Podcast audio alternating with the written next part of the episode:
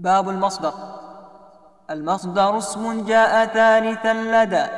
تصريف فعل وانتصابه بدا. وهو لدى كل فتى نحوي. ما بين لفظي ومعنوي.